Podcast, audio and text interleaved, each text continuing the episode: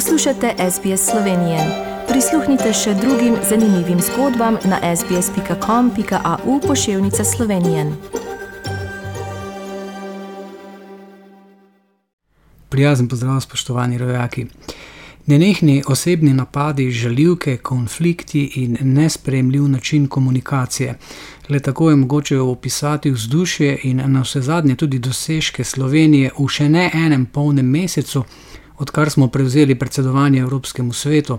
Vlada na čelu z Janezom Janšo namreč ne izbira sredstev, ko, želi dokazati svoj prav, tudi na račun ugleda države in državljanov. Tudi zato je Evropski komisar za krizno upravljanje, slovenski Evropski komisar Janez Lenarčič, v petek ob prihodu na zasedanje ministrov za evropske zadeve na Brdo pri Kranju najprej povdaril, da Sloveniji škodujejo tisti, ki spodkopavajo vladovino prava in svobodo medijev, ne pa tisti, ki opozarjajo na problematičnost tega početja. S temi besedami se je odzval na kritike zaradi svojih izjav o poročilu o vladavini prava v Evropski uniji. Nikoli in nikjer se nisem zauzemal za to, da bi Sloveniji kakorkoli pogojevali, omejevali ali celo odzemali evropska sredstva. Nasprotno, upam in želim, da do česa takega ne bi nikoli prišlo in prav zato opozarjam na določena ravnanja vlade, ki bi lahko pripeljala Slovenijo v precej neugoden položaj, kar se tiče koriščenja evropskih sredstev, je povdaril Lenarčič in dodal, da se nekateri visoki visoki predstavniki slovenske vlade na njegova dobronamerna opozorila odzivajo z grobimi napadi in žaljivkami. Takšen način komunikacije je za me nespremljiv in zato se ne želim odzivati na takšne izpade, je dejal v izjavi za novinarje. Linarčič je bil v zadnjih dneh na družbenih omrežjih deležen kritik zaradi izjav o objavi poročila Evropske komisije o vladavini prava v državah članicah. Dejal je, da komisija sporoča, da obstajajo na področju vladavine prava v Sloveniji resne skrbi, zlasti glede neodvisnosti toživstva in medijev. Premijer Janša pa je v odzivu na Twitterju zapisal, da gre za politično izjavo komisarja, ki se je pridružil nekaj posameznikom v Evropski komisiji pri pogojevanju evropskega denarja za okrevanje kampanje za Slovenijo.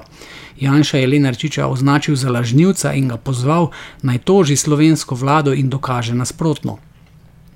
Zanimivo pa je tudi prerivanje za položaj, ki jih deli Janševa socialdemokratska stranka. Vlada je namreč te dni imenovala Janševega odvetnika Francija Matoza na položaj novega neizvršnega direktorja Družbe za upravljanje terjatev bank in upravnega odbora družbe, kar ni sprožilo le, le reakcij v opoziciji, ki že zahteva parlamentarno preiskavo, pač pa je veliko nezadovoljstva ob tem nastalo tudi v Janševi stranki. Do razkola naj bi prihajalo zaradi kadrov struje novih obrazov, ki jih bolj kot politika zanimajo interesi povezani z gospodarstvom, medtem ko poskušajo stare obraze, ki so predsedniku stranke Janši pomagali graditi stranko, postavili v ozadje. V javnosti odmeva tudi poročanje spletnega portala Necenzurirano, da naj bi bil Janez Janša že skoraj dve desetletji hodil igrati golf na Mauricius, kjer se je družil z znanimi lobisti. V enem od podjetij lobista Andreja Marčiča je denimo zaposlen tudi sin Janeza Janše.